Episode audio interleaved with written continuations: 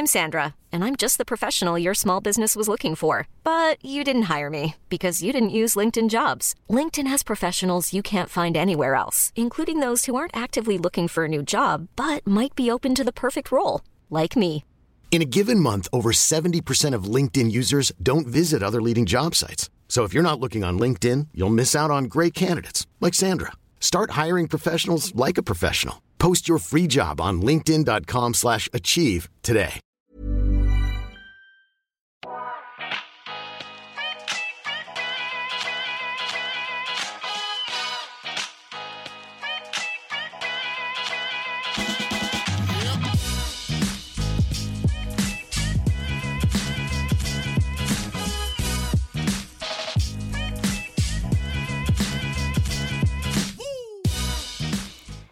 Välkommen till En timme med där jag, Sanja Tigeltia, träffar människor som inspirerar mig, som berättar om sina karriärresor, pratar självutveckling och hur de har kommit dit de är idag. I dagens avsnitt så träffar jag Matilda Lundin. Hon är grundare av stiftelsen Her House och Her Own. Her House arbetar mot mäns våld mot kvinnor. Och I fjol polisanmäldes nästan 25 000 fall av misshandel av kvinnor. 80 av de här 25 000 är alltså bekanta med förövaren. Och eh, vi går in på hennes historia. Hur kommer det sig att hon startade den här stiftelsen? Hon berättar om sin historia där hon har blivit både psykiskt och fysiskt utsatt. Hur insåg hon att hon var det? Hur tog hon sig ur det här? Vad har hon att säga till alla kvinnor där ute? Och vi pratar också om stereotypen att man inte kan tänka sig att vissa är med om just det här och varför det är så. Ett sjukt djupt och givande samtal. Hoppas att ni tycker det också. Hej Matilda! Hej Sanja! Så kul att ha dig här. Tack snälla för att jag får komma. Kan inte du berätta lite mer om Her House och Her Own? Vad, vad ni gör och varför ni finns? Mm, absolut. Jag kan väl börja i den änden egentligen vad vi började med. Jag vilja säga. Eh, och det är väl egentligen stiftelsen som blev det första som vi stiftade. Eh, och under det så startade vi initiativet med Her Own ett år efter ungefär. Eh, även om att egentligen Her Own var mitt första, eller min första idé som jag ville göra. Så kom det lite längre fram. Eh, så det vi gjorde egentligen för ungefär ett och ett halvt år sedan var att stifta Her House Foundation. Och framförallt så var det en stiftelse som skulle finnas för kvinnor i utsatta situationer. Um, och snabbt så blev ju mäns våld mot kvinnor vårt största fokus egentligen. Um, och det var väl framförallt för att jag hade börjat uh, jobba med bostadsproblematiken för våldsutsatta i Sverige. Mm. Um, och uh, kort och gott egentligen som det som jag gjorde och tog fram var ett socialt hållbarhetsarbete mot privata fastighetsaktörer. då ingick det egentligen ganska enkelt att de skulle låta kvinnor och barn gå före i kön. Um, och det blev väldigt snabbt uh, ett, ett välbehövt arbete. Vi förstod ganska snabbt att det var inte många andra som kunde hjälpa våldsutsatta kvinnor och barn i den situationen.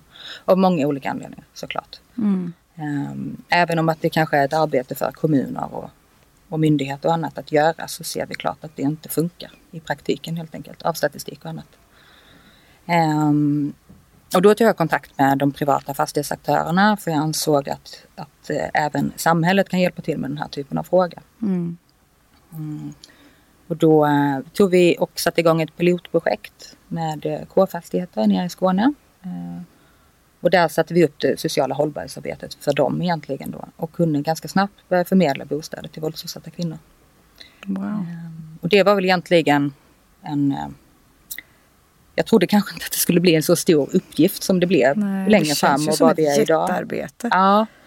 Det har ju också varit en, ett eh, lärande exempel egentligen de här de första året. Att man, det är ju ett sätt som egentligen inte är gjort innan. Så det var väl mer eller mindre ett, en innovativ idé som vi försökte förverkliga och funkade i praktiken helt enkelt. Sen så är det klart att det kanske inte varit den, den lättaste resan framåt. Nej. Men idag ser vi ju att vi samarbetar vi med många av de största fastighetsbolagen som vill hjälpa till i de här frågorna. Mm.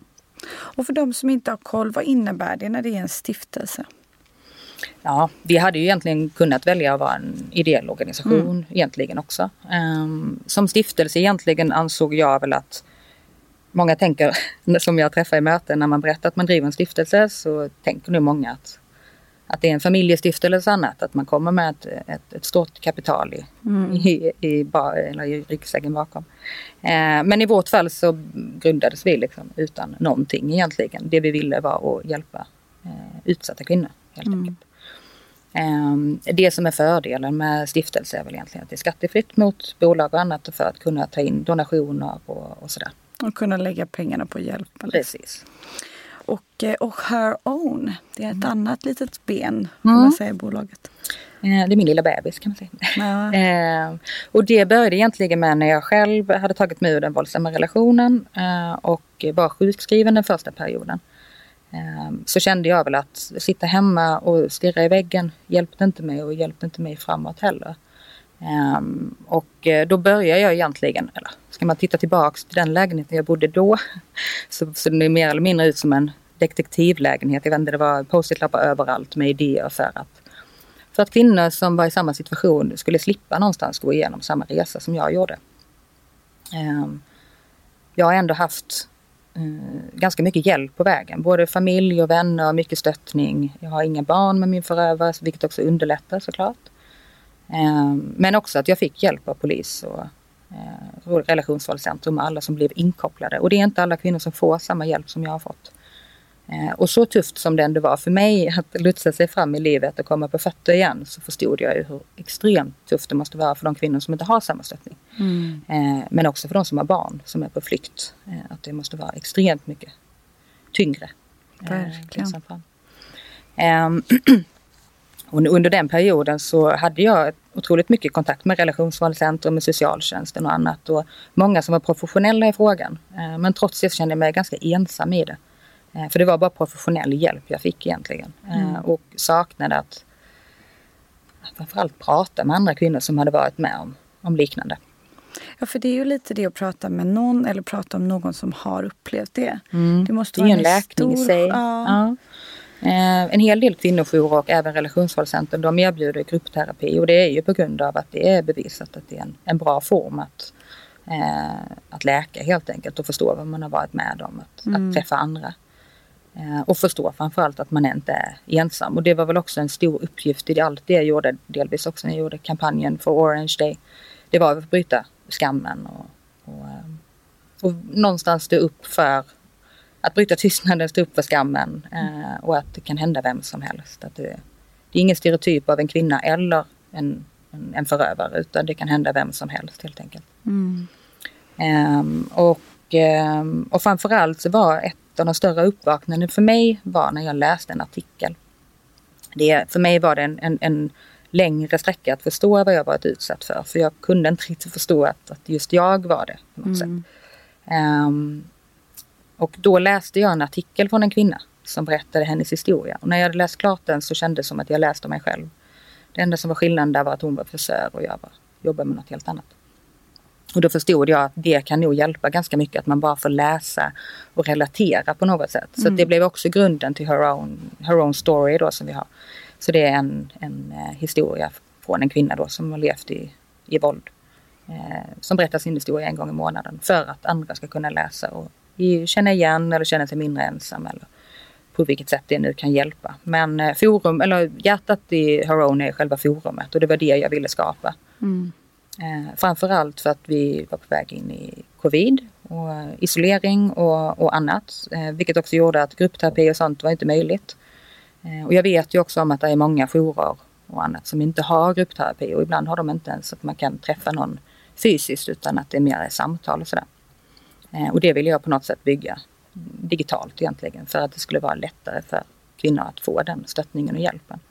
Eh, och delvis också att det är andra stöttar såsom anhöriga och andra som har varit utsatta tidigare. Det ser man ganska tydligt i forumet idag. Att det, det är fint att se när man ser att det är en yngre kvinna som lättar på hjärtat och berättar sin historia och vad hon, eh, vad hon behöver hjälp med. Och så ser man att en äldre kvinna kommer in och ger henne råd vad hon kände att hon gjorde fel i den mm. stunden. Um, och det kan nog hjälpa mer än vad man tror.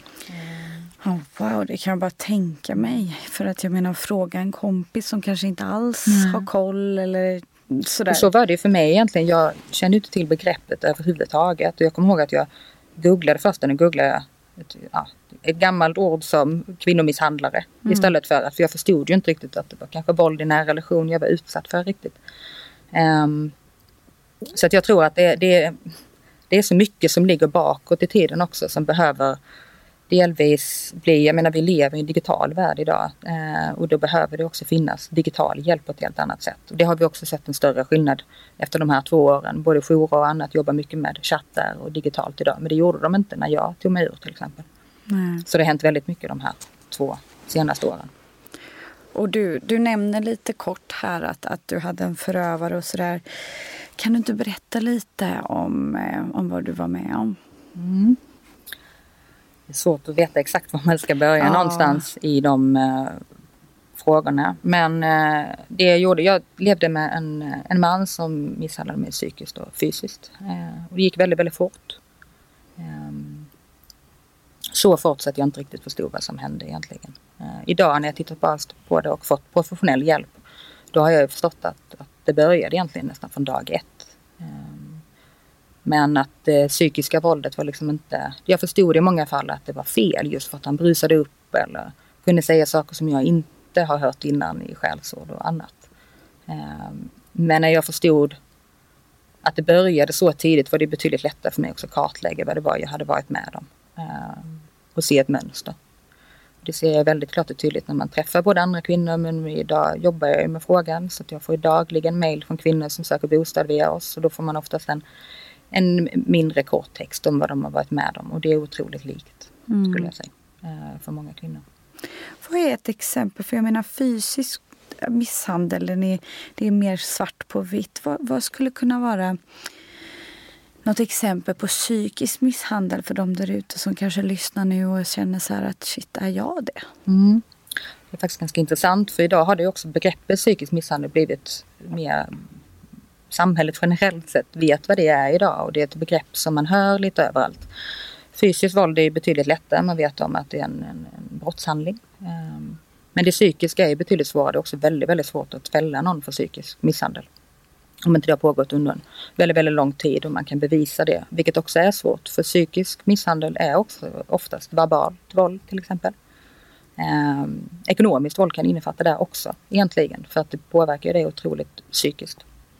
Eh, man ser ju också nästan alla kvinnor har varit utsatta för det mesta inom våldscirkeln då även ekonomiskt våld. Eh, I mitt fall trodde jag inte att jag var det men det fick jag ganska klart förklarat för mig att det var jag visst. Ehm, det kan vara ganska svårt att eh, se hur det ekonomiska våldet kan te sig. Men det psykiska egentligen om man tittar på det idag om man kollar på andra organisationer som jobbar väldigt mycket med det psykiska våldet ut mot de yngre och i skolorna och sådär. Och det är ju för att det är ett enormt hårt språk idag i skolorna yngre och i, i vår ålder också egentligen jämfört med när vi var unga kan jag tycka se en, en, en stor skillnad egentligen. Verkligen. Um, och egentligen ska man kolla psykiskt våld Egentligen är det psykiskt våld att himla med ögonen mot din partner, mm. att säga skällsord, uh, skrika. Uh, ja, allt det där egentligen mm. som vi vet inte är okej. Okay. Bryta ner först med ja, ord. Absolut. Det är en värre version av det skulle man kunna säga. Mm. Men att, att, idag när man tittar på det och bryter ner psykiskt våld så är det så enkelt som att till exempel att himla med ögonen och annat klassas som det. Så därav en intressant fråga för jag tror nog att alla någon gång har varit i en situation eller kanske till och med utövat psykiskt våld mot sin partner. Eh, för att himla med ögonen har vi alla gjort någon gång. Mm. Eh, så det är väldigt svårt att sätta liksom, vad det är psykiskt våld och fysiskt våld som vi pratar om är ju väldigt betydligt lättare för det är ju en handling som du kan Eh, utan där handlar det mer om att försöka få ut vad är det som är okej och vad som inte är okej. Och det är det arbetet framförallt ner mot skolorna är idag. Att få dem att förstå att det här är inte okej. Vad är rätt och fel?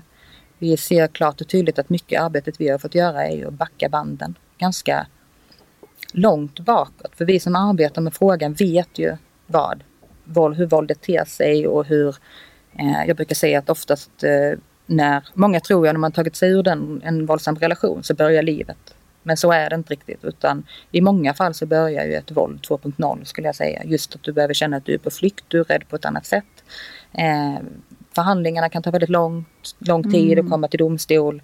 Eh, och i vissa fall får du inte ens en förhandling. Och det är mycket annat. Lite av en dominoeffekt skulle jag säga.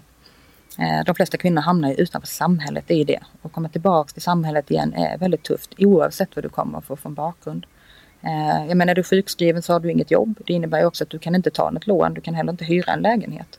Så där behöver man någonstans backa ja. bandet ytterligare. Och det, det har ju varit mitt stora jobb det sista året när jag träffade fastighetsbolag. Framförallt då att få dem att förstå dominoeffekten och varför kvinnorna kanske inte ens kan hyra en bostad när de har varit våldsutsatta på grund av att de kanske då har eh, anmärkningar från männen faktiskt har tagit lån på dem och annat. Vilket är väldigt, väldigt vanligt idag. Mm. Och hur i din situation, eh, hur, hur började du upptäcka och inse det här? Alltså vad du var med om, gick det lång tid? Ja, jag blev nog, när jag tittar på, tillbaks på det idag så blev jag nedbruten väldigt, väldigt snabbt.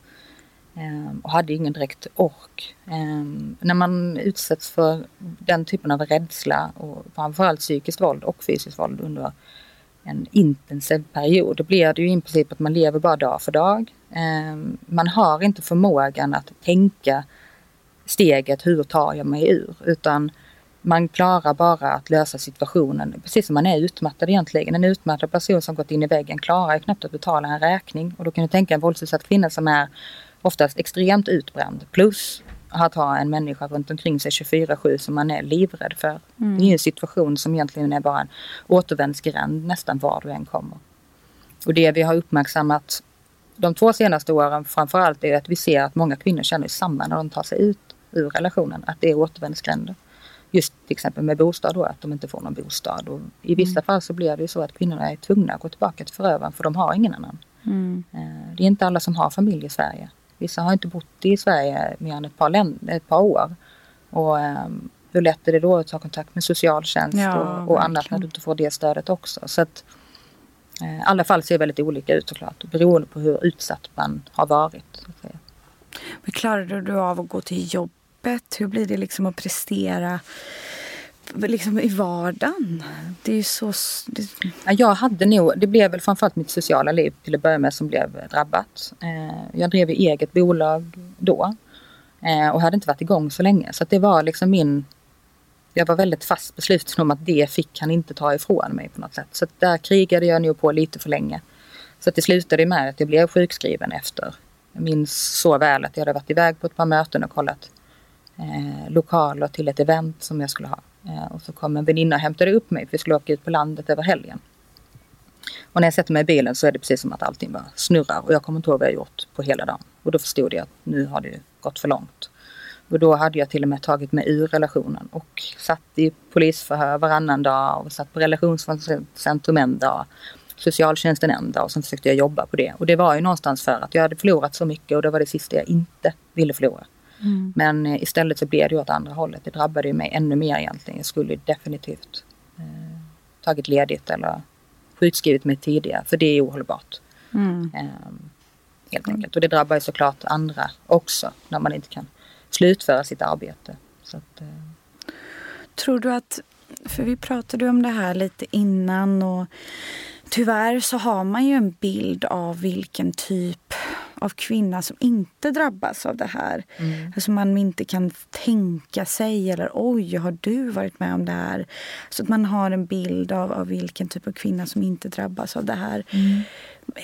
Skulle du säga att, att det här drabbar liksom alla typer av kvinnor? Har du, har du uppstått att du har sett att folk har den här typen av fördomar? Ja, absolut. Och det var väl nog därför jag ville göra kampanjen. Det är många som frågar mig, hur orkar du göra Orange Day så tätt inpå? Um, men det blev ju också, jag tror att när jag tog mig ur så var det nummer ett att förstå vad jag hade varit med om. För det, det gick så snabbt så jag förstod inte. Tillbaka lite till din fråga innan, hur mm. jag tog mig ur och sådär. Och, och, um, uh, jag minns när jag ringde till Kvinnofridslinjen första gången. Och då ringde jag till dem och frågade dem rätt ut egentligen, är jag våldsutsatt? Trots att jag satt och hade blåmärken över hela kroppen så förstod inte jag att jag var utsatt helt enkelt. Jag behövde någon annan som sa det till mig för att det skulle landa. Så så svårt kan det vara ibland att förstå. Eh, för, för man förnekar ju egentligen, för man vill inte vara slagen. Man vill ju inte hamna Nej. i en sådan situation och då försöker man göra allt för att ta sig ur den. Eh, men det finns inga andra utvägar egentligen mer att lämna relationen och ta hjälp helt enkelt. Det är det enda rätta. Men det kan ibland ta tid innan man förstår det och ibland behöver man definitivt hjälpen att någon berättar för en att nu är det ohållbart, nu behöver du hjälp helt enkelt. Det tror jag också drabbar idag. Vi har väldigt mycket kvinnor som känner att de ska vara de bästa mammorna, de bästa eh, entreprenörerna och driva bolag och, och annat. Liksom. Den pressen tror jag också är att man vill liksom inte förlora och man vill vara den starka. Men det kan ju också tyvärr bli till en negativ fördel i, i de fallen. Att man hela tiden ska hålla sig stark hela tiden. Att klara sig. Liksom. Verkligen. Liksom. Det tror jag många kan känna igen framåt. Att man inte ber om hjälp fast man egentligen ibland borde göra det och ta ett steg tillbaka. Ja, men alltså 100 procent. Mm. hur, hur gjorde du den dagen du tog dig ur det? Eller den dagen, det kanske var en period. Hur gick det till? Um... Jag, tänkte, jag tänkte i början att, att när jag tog mig ur så gick jag aldrig tillbaka. Men när jag tittar på det efteråt så ser jag att varje gång jag har lämnat bostaden efter en misshandel eller liknande så har jag egentligen lämnat i huvudet men inte hittat en lösning framåt och då går man tillbaka hem igen. Det man inte får glömma är ju också att, att hemmet är ju ens trygga punkt men det är också där du blir mest utsatt eh, för våldet. Eh, och det blir också en ganska skev situation i den. För det enda man vill ju är att komma hem till sitt hem och sin trygga punkt. Men det är där det är farligt. Mm. Och var ska man då vända sig helt enkelt? Um, det är en väldigt svår, man är ju under väldigt, väldigt hög press och det vet ju alla. Under en väldigt hög press är det väldigt svårt att hitta lösningar framåt. Ja. I alla lägen. Tunnelseende deluxe. Ja. Liksom. Mm. Det låser sig till slut. Liksom. Så att, uh, nu tappar jag din fråga. Nej, hur, du, hur du gjorde när du tog beslutet och, och lämna. Var det, kom det till liksom en bristningspunkt där du kände att så här, jag måste härifrån nu? Eller hur? Det var en process. Jag kommer ihåg att jag började sätta små mål för mig själv. När jag började förstå att, att nu måste jag ta mig ur. Eh, då satte jag upp små mål för mig själv. Eh, om jag klarade det, då skulle jag minsann kämpa mig ur. Mm. Eh, man är väldigt, eh, det, är en, det, det, är en speciell tid att titta tillbaka på. Det är rätt mycket minnesluckor kring för man försöker ta sig ur. Eh, men jag hade många vänner i stödet i slutet skulle jag säga. Vissa fanns bara där och lyssnade och de gjorde den rollen var väldigt viktig också. Men det var också de som kanske pressade mig lite mer som en god vän som frågade mig rätt ut, slår han dig? Eh, och även om att det kan vara väldigt tungt att fråga eh, en sådan fråga så hjälpte det mig i det fallet. Kanske inte just där och då. Eh, men då började jag förstå att okej, okay, hela om, alltså, omgivningen förstår ju att jag även är misshandlad. Ja, de, de ser ju det. det. Ja. Eh, och det tror jag är väldigt, väldigt viktigt att, att man försöker visa att man ser att någon, åtminstone om man är fysiskt slag, alltså misshandlad, att man berättar det. Klar, man behöver inte alltid säga det rätt ut men att man försöker visa det. För det, ser man att hela, eftersom någonstans det sker bakom stängda dörrar, förövaren oftast får det att låta som att det är ens eget fel till att börja med. Ehm, och att man alltid ska gömma det på ett eller annat sätt. Det är oftast förövaren som säger vad man ska ha på sig eller att det ska smygas över eller så vidare. De vill ju såklart dölja det som har hänt. Ehm, men när omgivningen, om inte omgivningen säger någonting när de ser det så tror man ju själv att oj, ingen annan ser det. Man tror ju också att någonstans vet man ju själv, man går ju med skammen av att tänka om någon ser. Men om inte någon reagerar så tror man ju att, att, att ingen ser. Mm. Eh, och det leder ju också till att, att där och då blir det ju våldet mer normaliserat. Att okej, okay, ingen annan där ute ser och han behandlar mig. Då är det mer okej okay att han gör så. Är det kanske mitt fel? Mm. Så det är väldigt viktigt att, att vänner och familj och andra runt omkring ändå försöker stå upp och hjälpa så mycket som möjligt. Sen jag kan själv tycka att civilkuraget i Sverige är under all kritik egentligen. Mm. Eh, men eh, desto mer vi pratar om det, desto mer kommer ju folk också våga. Eh, ett exempel, jag tror att det är många som inte vågar knacka på dörren eller ringa polisen. De, I många fall tror de att de blir inkopplade i fallet om någonting händer, de blir rädda för förövaren. Men det man också kan försöka tänka det är ju att hör man ett pågående våld eller misshandel eller misstänker i en bostad du behöver inte stanna kvar och knacka på dörren för att du ska lösa det. Utan nummer ett ringa polisen såklart. Men att bara gå och knacka på dörren kan ju faktiskt rädda liv i stunden. För är det en pågående misshandel eller ett stryptag eller annat så förvirrar ju det åtminstone förövaren i stunden. Så Mm. det, det gör rätt mycket ändå om man faktiskt bara försöker hjälpa till. Verkligen, och det, det tänker man ju inte på för man kanske blir rädd att man Ja. ska liksom... Men kunde, kunde din förövare ångra sig och be om ursäkt och sen liksom bli en snäll, fin person till att sedan bli så här igen? Eller var det... Var det... Både ja och nej. I början var det, kunde bli, alltså ja, i början var det ju, då reagerade jag extremt starkt också när man kanske då fick ett skällsord som hora första gången. Mm. Vilket jag aldrig hade fått innan. Möjligtvis kanske på högstadiet i skolan där det var hårt språk. Men, men absolut inte i en relation tidigare. Ehm, och då, då, men då reagerade jag så starkt på det. Då, då förstod jag ju också i tidigt skede att gud så kan man absolut inte bete sig. Och det, det, det kommer jag ihåg, det tog, det tog hårt och det tog lång tid att repa just det där förstår fula året jag, första ja. gången. Och då behövde han ju såklart säga att det där ska aldrig hända igen och så vidare. Och så vidare. Men eh, i mitt fall så ökade våldet extremt mycket det sista halvåret. Eh, det var i princip fysiskt våld varannan dag. Så jag hann ju aldrig riktigt repa mig. Eh, och orka ens ta mig till jobbet skulle jag vilja säga. Men eh, då var det ingen ånger överhuvudtaget. Det hade liksom försvunnit helt. Eh, men det är också väldigt olika. Det kan ju se Verkligen. eh, olika ut helt enkelt. Men eh, Ja, jag tror att många där ute kanske ja, men nästan ibland blundar för det. För Mm. att man tänker att men han blev ju så snäll och han, han blev arg eller han var full kanske. Mm. Eller att man någonstans i sitt eget huvud hittar ursäkter. Ehm, så mm. så det, det är det man får respekt för, att det kan se så olika ut. Ehm, och sen så tog du dig ur det och, och jag tänker som jag ställde frågan till dig innan. Vad gör man då? Är, du inte, är man inte rädd eller var du rädd att, att han skulle dyka upp? Eller, för, för man är ju som du sa, man är inte klar bara för man lämnar den dagen. Alltså det är så här i efterhand skulle jag väl nästan säga att om jag hade fått göra om någonting så, eh, då hade jag ju kanske tagit kontakt med en jour tidigare. Eh, då ska jag väl helt ärligt säga att jag visste knappt vad en kvinnojour var. Nej. Eh, knappt visste jag det när jag var på socialtjänsten första gången. Vad gör en kvinnojour? Jag kunde förstå det på namnet men när jag förstod att de hjälper till och med så mycket. Det är stödsamtal och, och annat och det är precis det man behöver i början. Någon som, eh, som lyssnar och kan stötta en och förstå vad man är med om och kanske också även lutsa en fram lite. Eh, när en polisanmälan är gjord så får du ett målsägandebiträde eller får du själv ta kontakt med ett målsägandebiträde och då får du ju en annan form av hjälp hur du ska lutsa dig fram helt enkelt. Men eh, eh, det jag skulle nog säga att kan man komma i kontakt med en jour så tidigt som möjligt så man har den stöttningen i alla fall. För att det blir en... När man väl sen tar sig ur då, då, då röjs det runt rätt mycket i huvudet. Man, man, eh, man är rätt utmattad i den situationen för att man klarar inte av att tänka ens vad händer här nästa.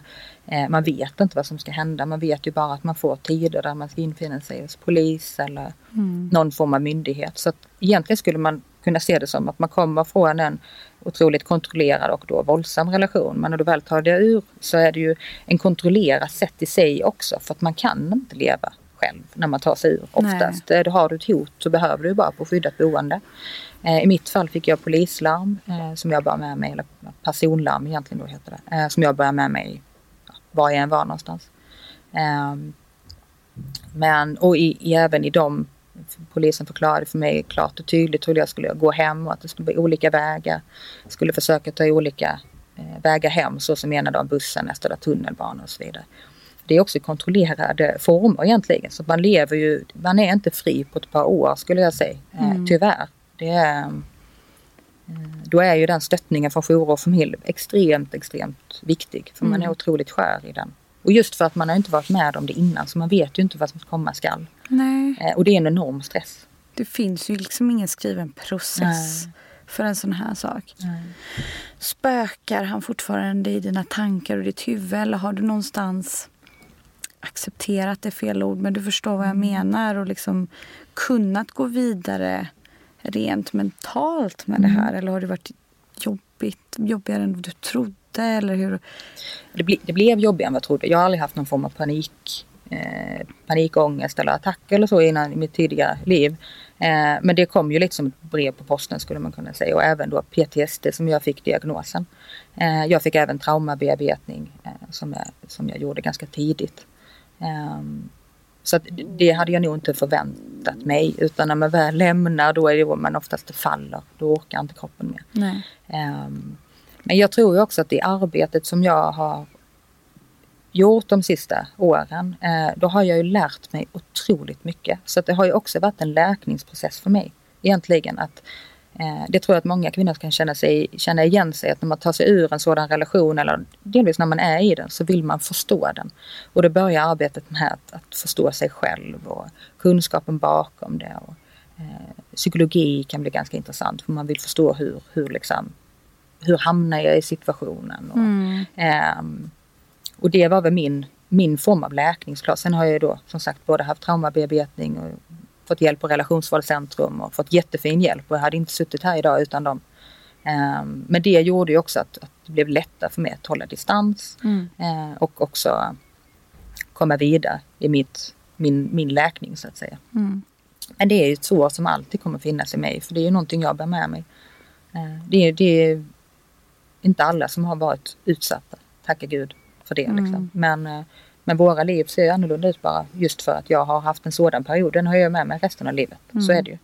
Ehm, Och det är så många, som jag nämnde i introt, som är med om det här. Mm.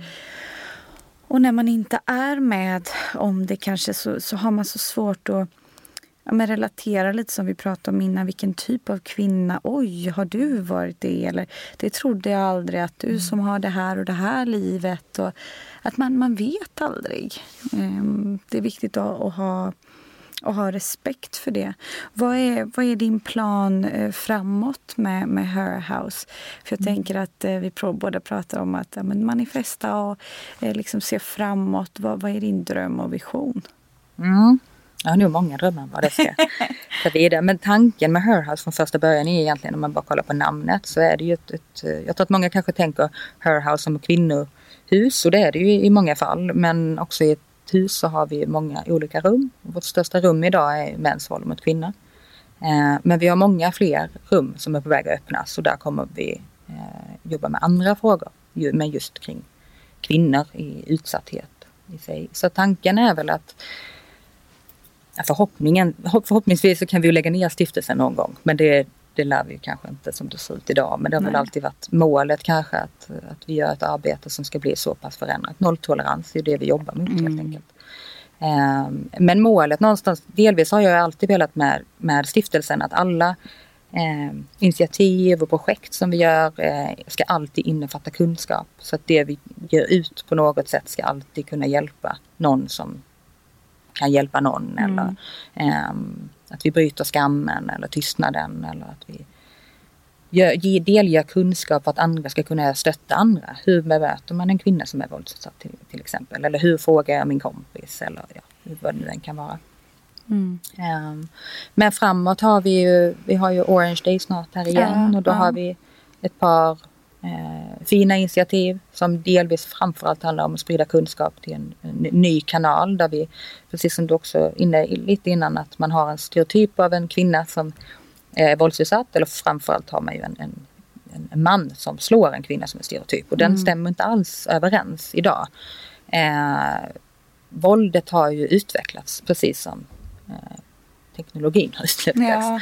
Ehm, förut så såg man väl kanske mer stereotypen var en äldre man som drack folköl och blev förbannad på fyllan och drämde till sin, sin dam. Men så ser det inte ut idag. Utan idag kollar man på storstäderna så är det ju högt uppsatta män som är maktutövare. Eh, och de är tyvärr otroligt svåra att ens få i rättssal.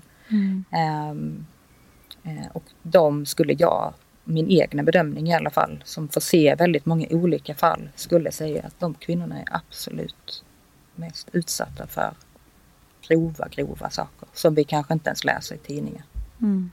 Eh, det är rätt sjuka historier faktiskt.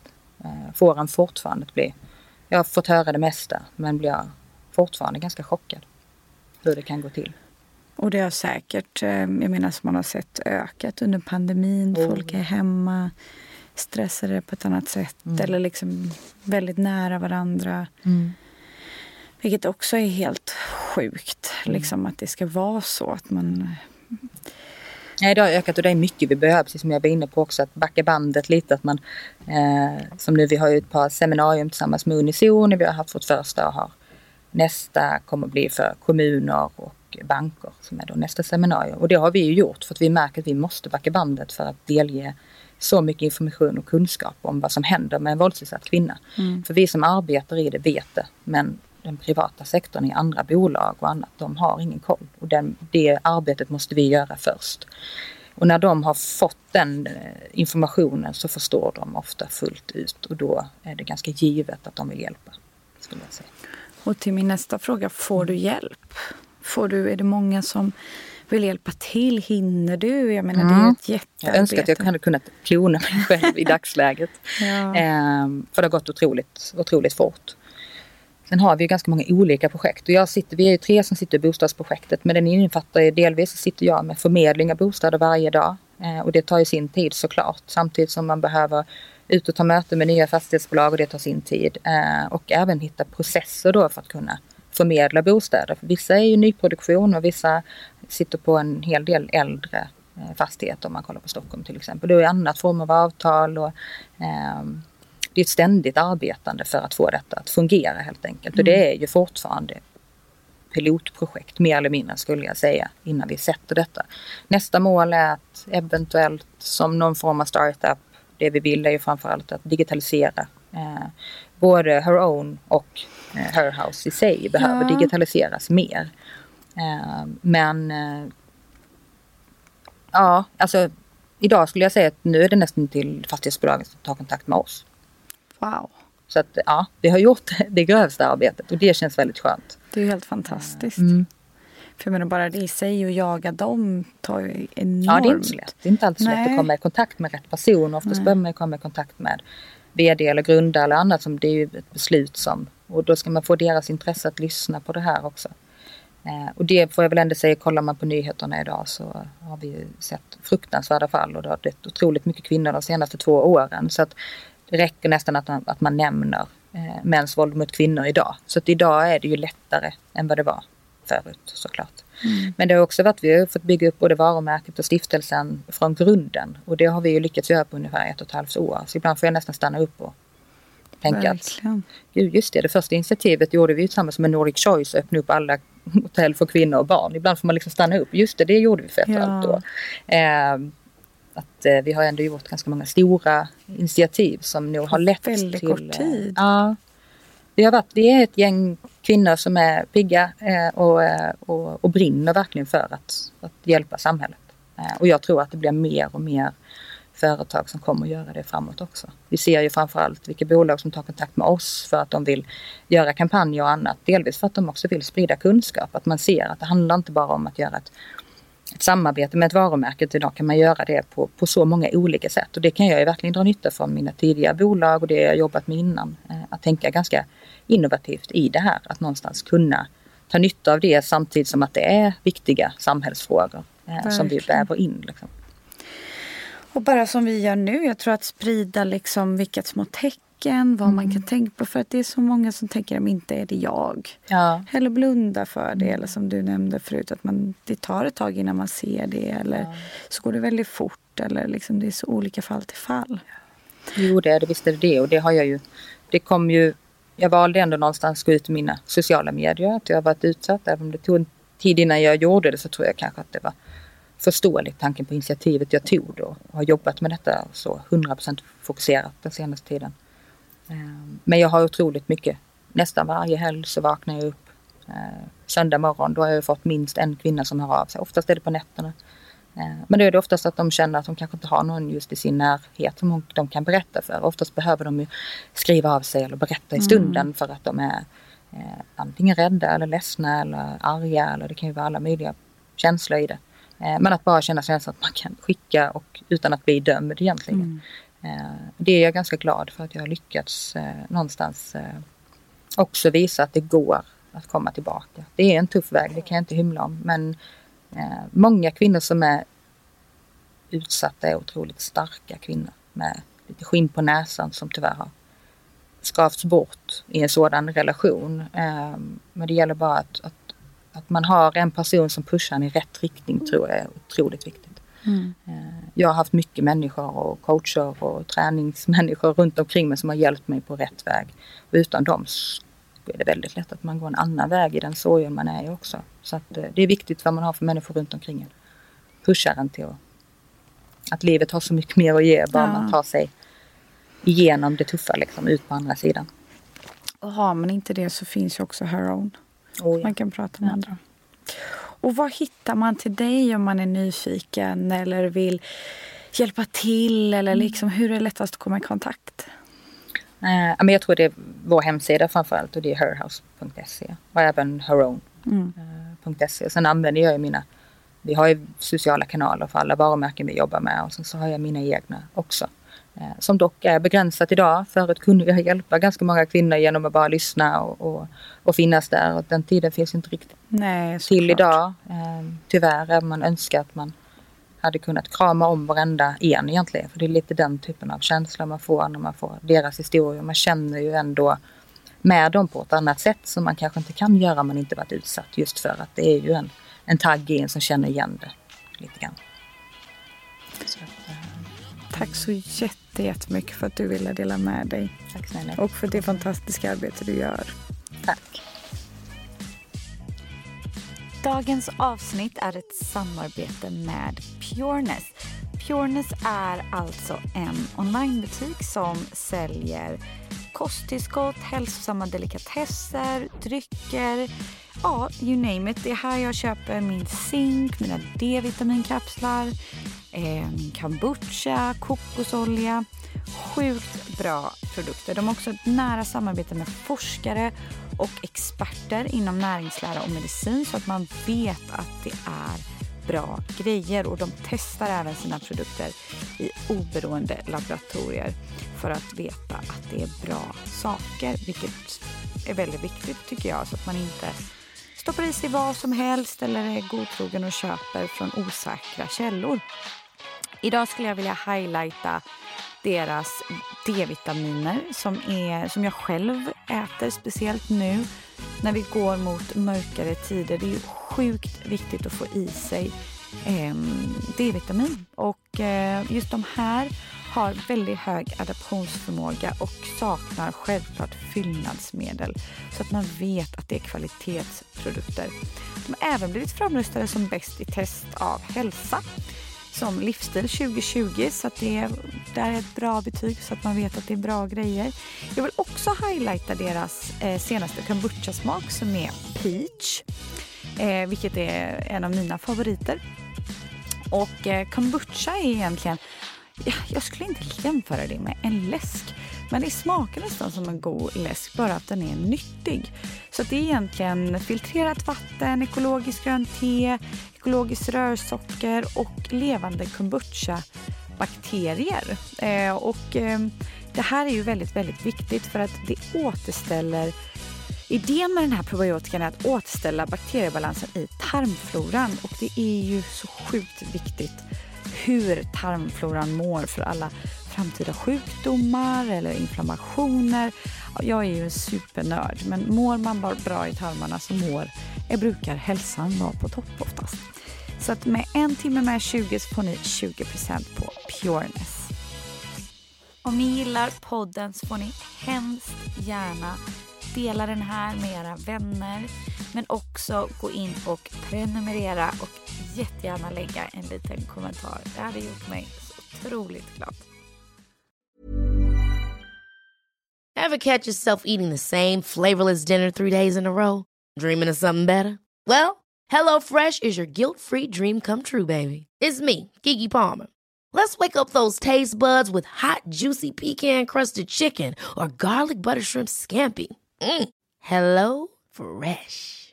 Stop dreaming of all the delicious possibilities and dig in at HelloFresh.com. Let's get this dinner party started. Planning for your next trip? Elevate your travel style with Quince. Quince has all the jet setting essentials you'll want for your next getaway, like European linen, premium luggage options, buttery soft Italian leather bags, and so much more.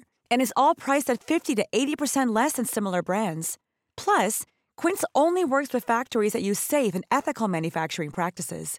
Pack your bags with high-quality essentials you'll be wearing for vacations to come with Quince. Go to quince.com/pack for free shipping and 365-day returns.